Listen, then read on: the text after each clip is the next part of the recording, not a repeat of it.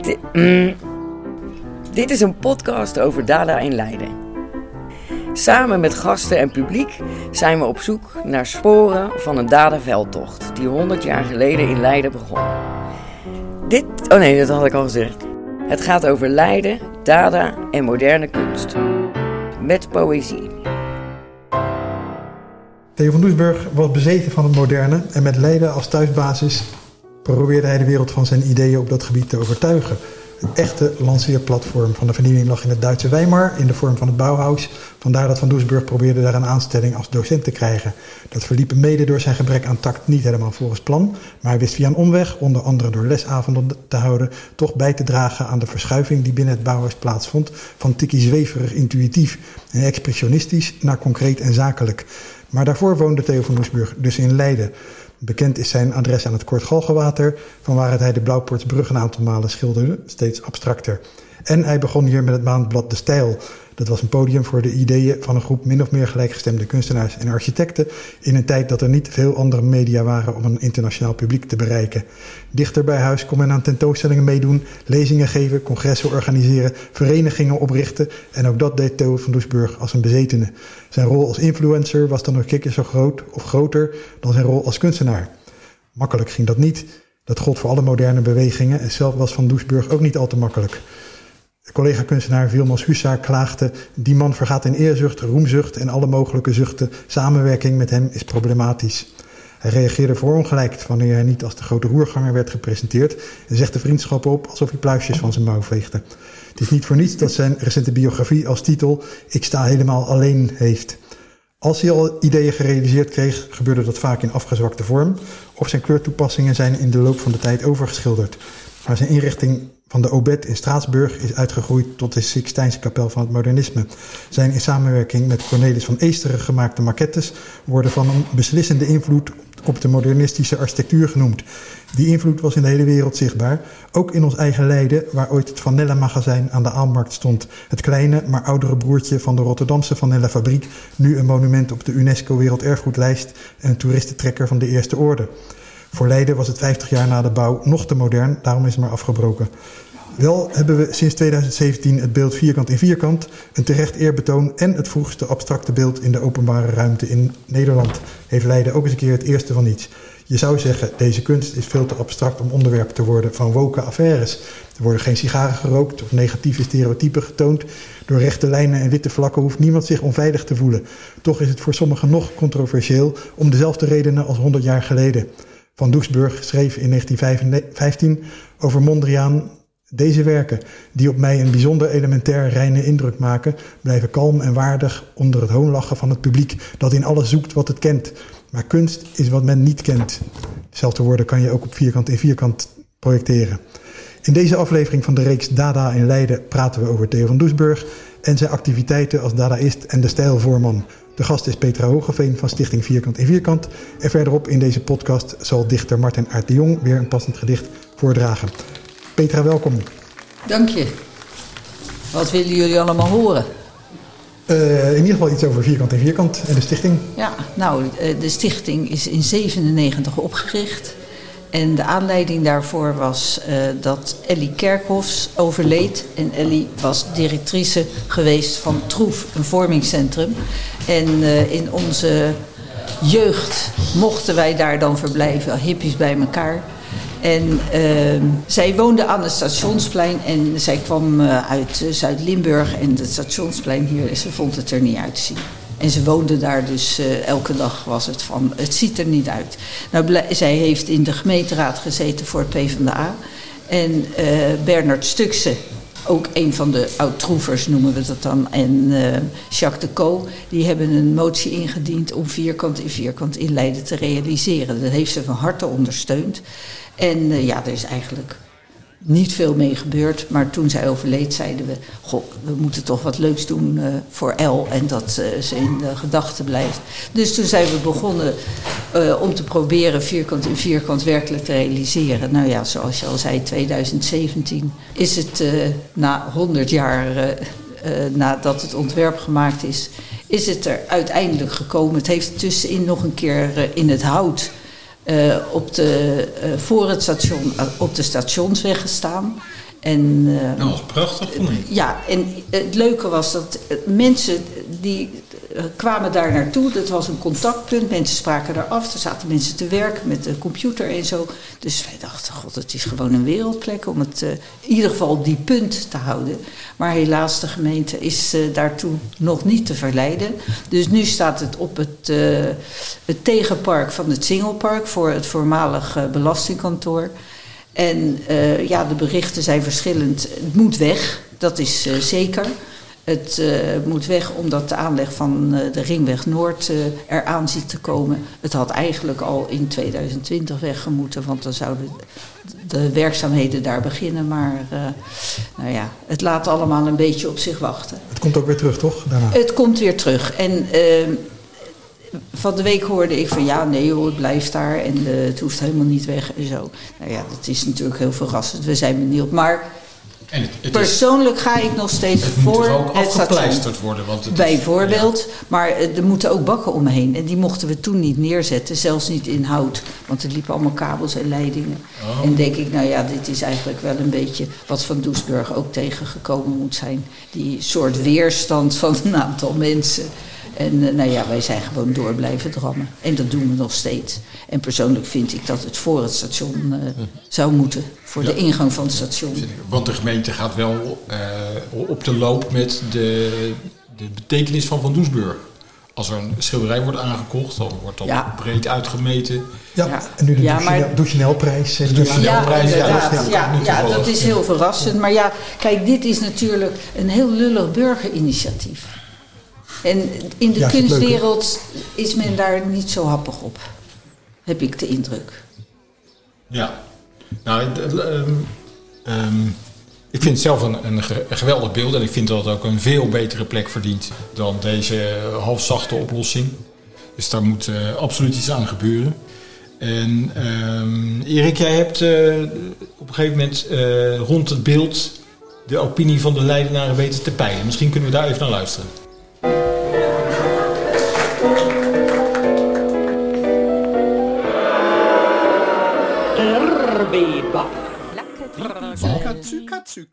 Is.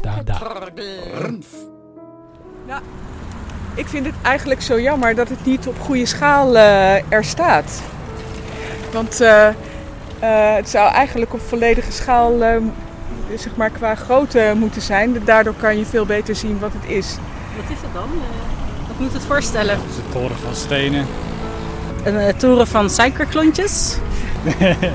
Ik vraag me af, wat is het? Wat was de gedachtegang daarachter? Ik heb geen idee. Had je het wel eens gezien? Nee. En loop je hier vaak langs? Ja, af en toe. Niet heel vaak. Maar je hebt het niet, wat, wat vind je ervan als je naar kijkt? Eh, ja, ik weet niet. Het- als ik eerlijk ben, het interesseert me niet heel erg veel.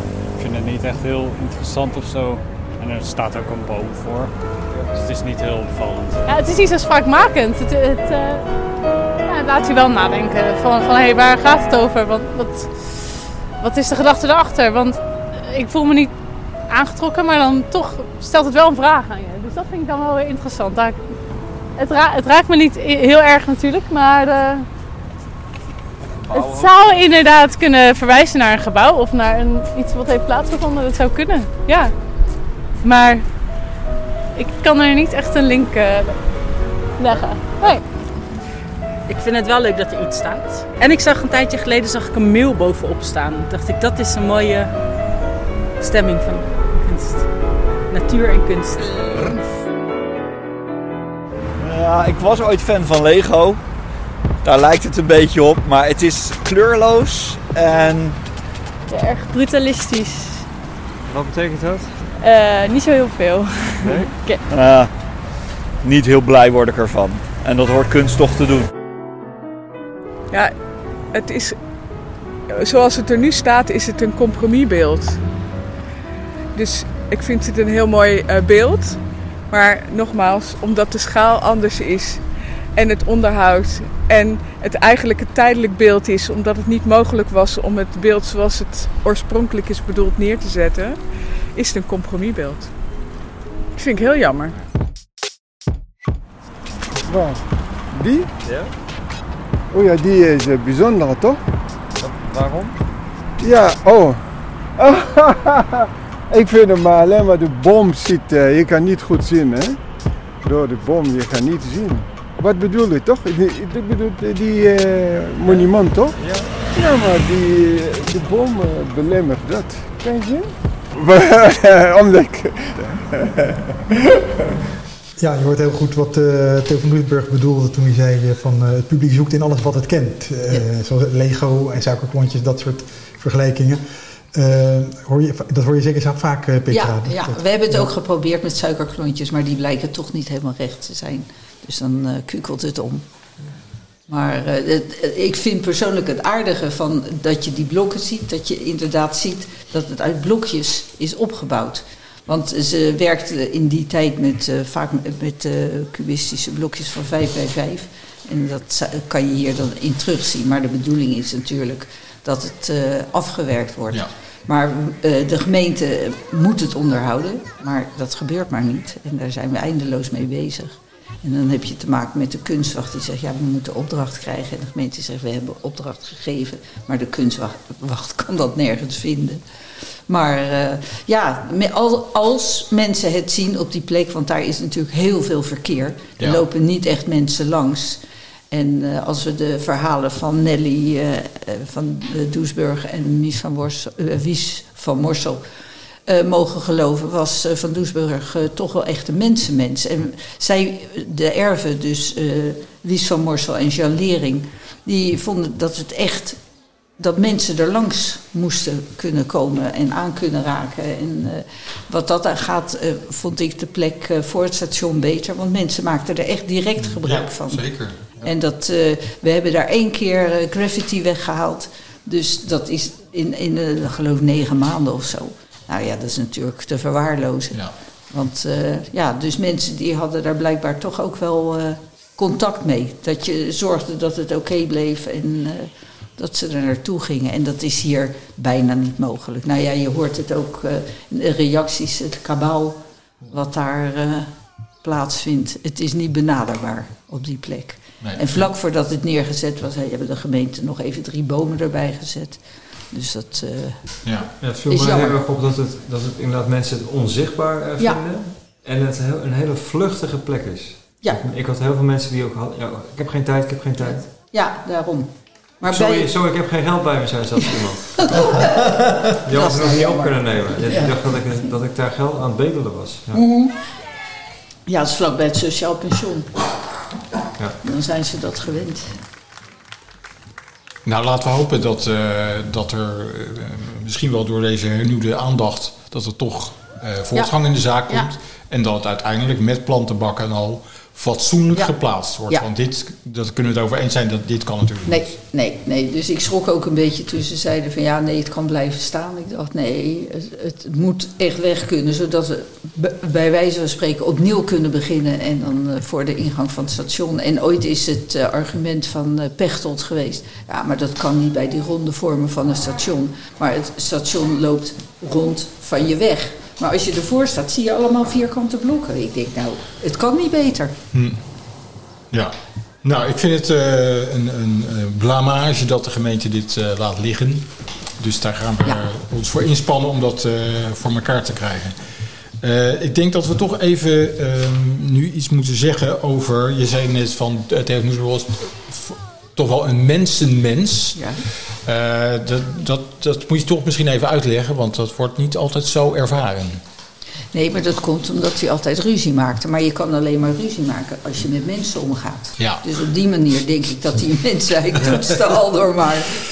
Ja, dat en als jij eh, eh, met niemand over jouw plannen, ideeën kan praten, ja, dat. Maar hij, hij wist natuurlijk wel altijd enorm veel mensen naar zijn idee, eh, achter zijn ideeën te Ja. krijgen. Terwijl die mensen daar zelf eigenlijk niet zelf wat op de hoogte waren. Ja, een mo- mooi voorbeeld is Ja. dat hij, eh, toen hij naar Weimar was eh, afgereisd om daar bij eh, Gropius en Itte te ontmoeten.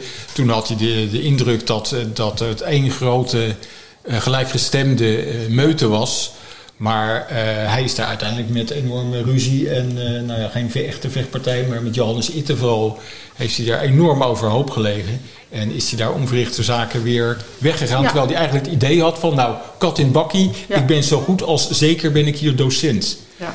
op het, eh, op het Bauhaus.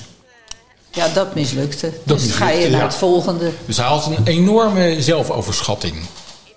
Ja, misschien kan je dat zo noemen, ja. Ja. ja. Maar goed, uiteindelijk eh, heeft hij toch wat neergezet, denk ik dan. En er zijn er toch mensen die eh, ja, daarin meevoelden, in zijn ideeën meegingen. En eh, ja, daar haakten ook natuurlijk weer mensen af, omdat ze weer anders over dachten. Maar hij heeft wel wat in beweging gezet. Zeker. En, En een is, mooie anekdote in dit, dit vuistdikke boek is ook het verslag van de avond waarop eh, Theo van Doesburg Nelly van Morsel ontmoette. Hè, zij was eh, op een gegeven moment, geloof ik, door. eh, was dat door Mondriaan? Nou ja, goed, zij kwam op, op een avond waar hij voor de zoveelste keer sprak. En zij Ja, gaat dat als had haar broer georganiseerd. ja, haar, precies, had haar gezegd, broer ga had dat nou georganiseerd. Ja. Want daar slingerde een, eh, een editie van De Stijl op zijn Ja. kamer. Ja. Die had ze gelezen en ze was enorm geïntrigeerd geraakt door deze persoon. En vanaf die, a- van die toen ze hem hoorde spreken, was ze in één klap verkocht. Want ze vond dat vooral zijn stem vond ze zo enorm intrigerend dat ze zich eigenlijk daarna eh, altijd met hem heeft Ja. bezig gehouden. Zelfs toen hij er niet meer was. Zelfs toen hij niet meer was, heeft dat, zij eh, gevoel een- gebleven, als, ja. als een Joop Bonger, zal ik maar zeggen, heeft ze geprobeerd om. Wie is Joop Bonger? Dat is de, de weduwe van, de, van Van Gogh. Eh, nou, niet, niet, Theo van Gogh. Precies, van Oh, ja, Theo ja, van Gogh. En eh, als, als die zich niet had ingespannen om het werk van Van Gogh enorm op de kaart te zetten, dan eh, waren die blikken trommels en puzzels nooit gepubliceerd. Want dankzij haar inspanningen is Van Gogh wereldkunst geworden. Ja. En onze lieve Nelly van Doesburg heeft kans gezien om, om op deze manier Van Doesburg op, eh, op de kaart te, te brengen. Ja, ja. De nalatenschap is ook naar die Wies van Morsel en Jan Lering gegaan. En die hebben het uiteindelijk eh, aan de Nederlandse staat eh, geschonken. Ja. Zodat het toch een goed onderkomen had. Want waar laat je alles? Precies, Ja. ja. En hoe hou je het in stand? En, En, dat is mooi, want eh, Nelly van Morsel was nog maar eigenlijk een jong meisje toen ze Theo van Doesburg eh, ontmoette. En ze had eh, oorspronkelijk een carrière als pianiste. Ze heeft op het conservatorium in Den Haag gezeten. En ze was een, nou, in ieder geval iemand die dat vak behoorlijk goed beheerste. Maar haar optredens waren vooral gekoppeld aan de optredens van Van Doesburg. Dus de ene lezing na de andere. En als muzikale aankleding hoorden wij dan Nelly van Morsel, Pietro van Doesburg. Laten we even een stukje horen.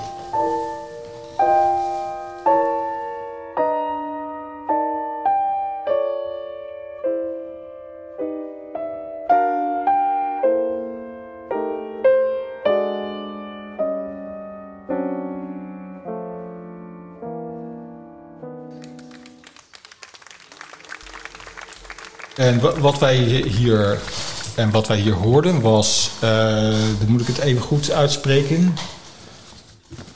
Marcia Gi- Gion. Ja, maar ja, vraag het aan mij. Want Mijn Italiaans is ook niet zo goed. Wat is het? De treurmars voor een krokodil? Dit is van Een Rieti. vogeltje. Voor het vogeltje is dit, ja.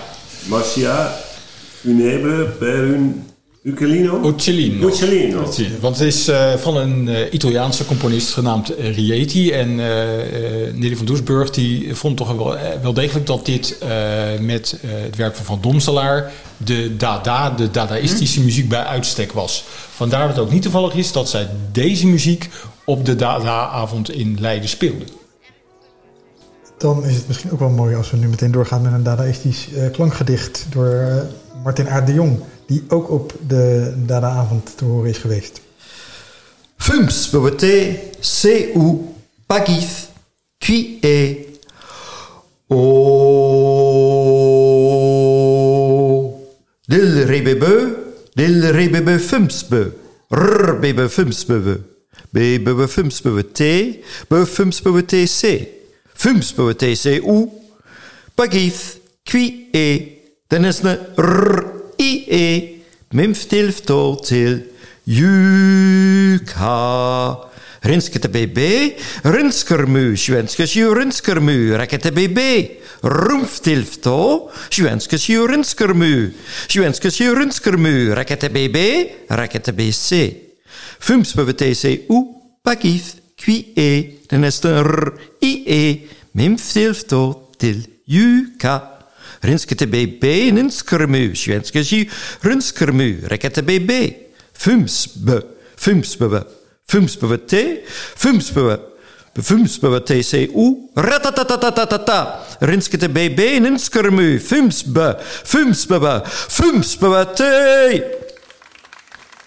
Zo. Mooi, vind je het moeilijk?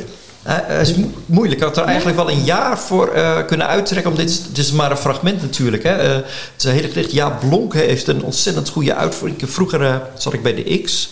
We hebben Jaap Blonk wel eens gehad. Die doet het echt helemaal... eh, ja, echt heel intens. En ik denk gewoon... Ik zou het denk ik ook wel kunnen. Maar er zitten ook hele veel tempowisselingen in het gedicht. Het is echt, het is echt een soort compositie.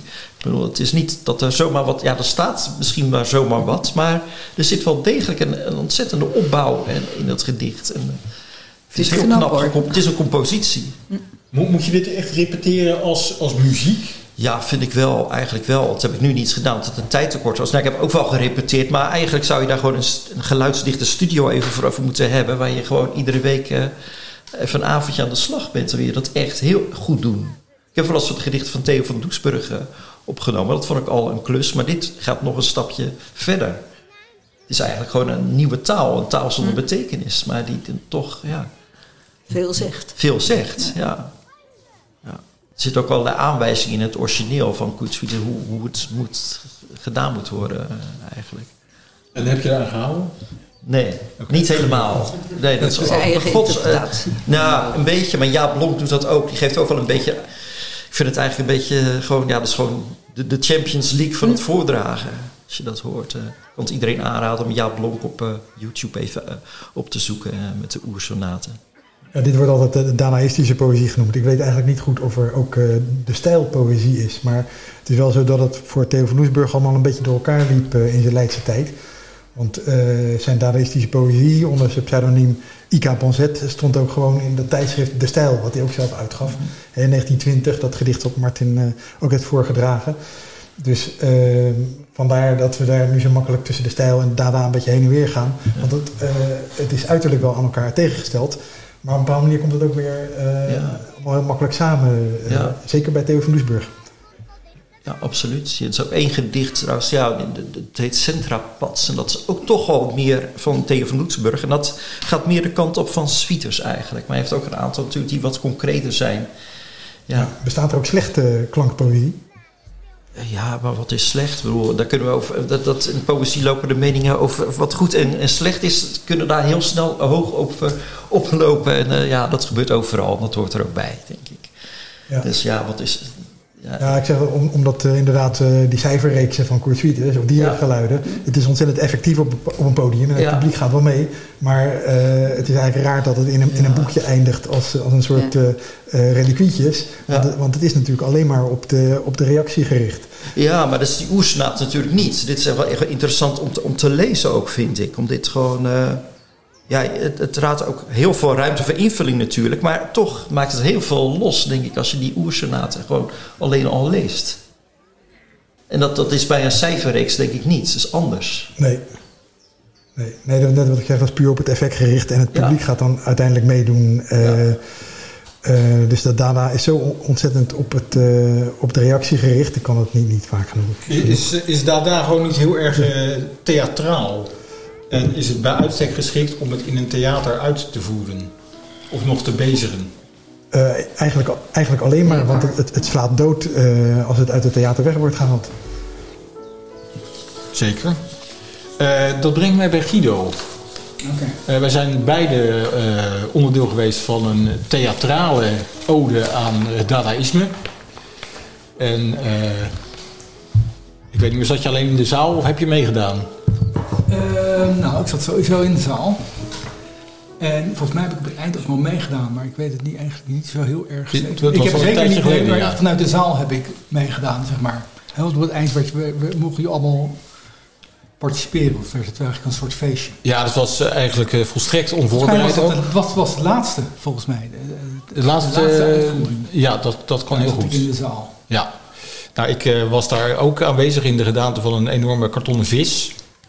En eh, geheel in de stijl van Dada moest ik irritan- irriterend tegen het publiek opbotsen. Want die vis was zo groot dat hij in de, eh, ja, in de foyer enorm in de weg liep eigenlijk. Dus dat was mijn... en dat was totaal niet voorbereid. Wat natuurlijk ook de bedoeling is. Gesproken over die vis, Herbert. die heeft later nog een tweede leven gekregen. Ja, en in onze latere samenwerking hebben we een dadaïstische ode aan Vierkante Vierkant gebracht. Waarin die vis samen met een bolhoed en een, eh, en een kam eh, de hoofdrol speelde. Ja, het- het- dat was voor ons eigenlijk ook heel logisch om op die manier Dada aan de En stijl... waar- waarom zagen die, die bolhoed en die, die kam, of die bolhoed weet ik nog, waar- Eh, waarom zat die erin? Die bolhoed kwam uit, uit een dadaïstische film, hè, uit 1920 ongeveer. De, ja, een van de eerste dingen die die, die, dadaïsten deden was om, eh, om eh, dode dingen levend te laten lijken. Dat kon natuurlijk heel goed met film. En, en met film was alles nieuw. Mensen die sloegen al stijl achterover als er een stukje achteruit eh, gedraaid werd of een negatief of zo.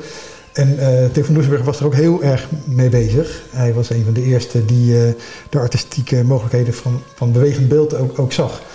Ik weet niet of we dat toen al precies zo voor ogen hadden toen wij dat filmpje maakten. Maar het was wel zo dat het voor ons heel organisch werd van... eh, oké, vierkant in vierkant, Theo van Doesburg, een vis, een bolhoed, een kan. En eh, het wordt wel wat. Ja. ja. Waar is het filmpje te zien eigenlijk? Het was eh, te zien bij ons toen op de Zo Looking-Glass. Ja, ja, onderdeel precies. geweest in het eh, portiersloge. En het, eh, het is nog steeds eh, online te bekijken. En ik neem aan dat we in de show notes, heet dat geloof ik, ook eh, de link daar wel in kunnen opnemen. Eh, nog heel even dan eh, denk ik inderdaad de, de eh, ambitie van Leiden en in het bijzonder nu de Lakenhal om, om, om, Noesburg en Nelly als een soort Leids kunstenaars echtpaar, want zo, zo ik dat neer te zetten. Was dat in de tijd dat jullie met vierkant en vierkant bezig waren ook al zo, Petra? Nog niet. Toen Meta Knol daar directrice was, hebben we wel contact gehad. Zij zat ook in het comité van aanbeveling. Maar eh, daarna hebben we nooit meer wat van haar gehoord. Ze heeft het ook vast niet overgedragen aan haar opvolger. Dus dat is aan ons om eh, daar weer eens eh, contact mee op te nemen. En het is, ja, de ervaring is dat ja, er wordt vanuit de kunstwereld in Leiden in ieder geval, vanuit bijvoorbeeld de Laakhal, heel koeltjes op gereageerd. Ja. Waar zou dat dan liggen? God, wij zijn natuurlijk maar lullige inwoners van Leiden die dit bedacht hebben. Ja. Ja, ik bedoel, ik heb geen titel, maar we hebben het wel voor elkaar gekregen. En daar gaat het om, denk ik. En wij hopen altijd nog dat de maquette die ook op de tentoonstelling in de Laakhal en in Tate Modern heeft eh, gestaan, dat die hier in de zaal in de Lakenhal komt.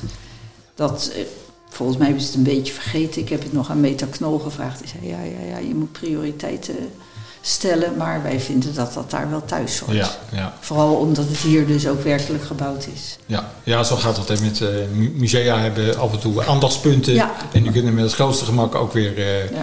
Maar dat is een nieuwe directeur, dus wie weet maken we weer enige kans. Oké, nou dank je voor je bijdrage. Dank je voor de kans. Ik wou Guido bedanken voor zijn eh, mooie uiteenzetting. En ik wou onze dichter Martin bedanken voor zijn prachtige bijdrage.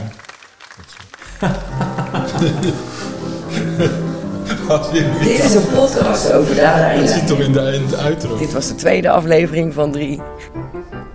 Je hoorde de gasten Guido Winkler, Geert Keuter, Martin Aert de Jong, Petra Hogeveen van de stichting Vierkant in Vierkant.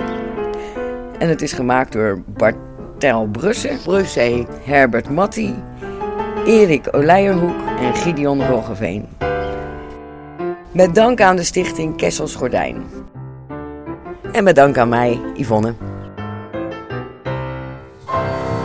Tada, wie is Yvonne? Dat is de buurvrouw van Erik. Nee, dat is een vriendin van mijn buurman. Oh. Eh, een vriendin van mijn buurman. Ja, ja. Oké.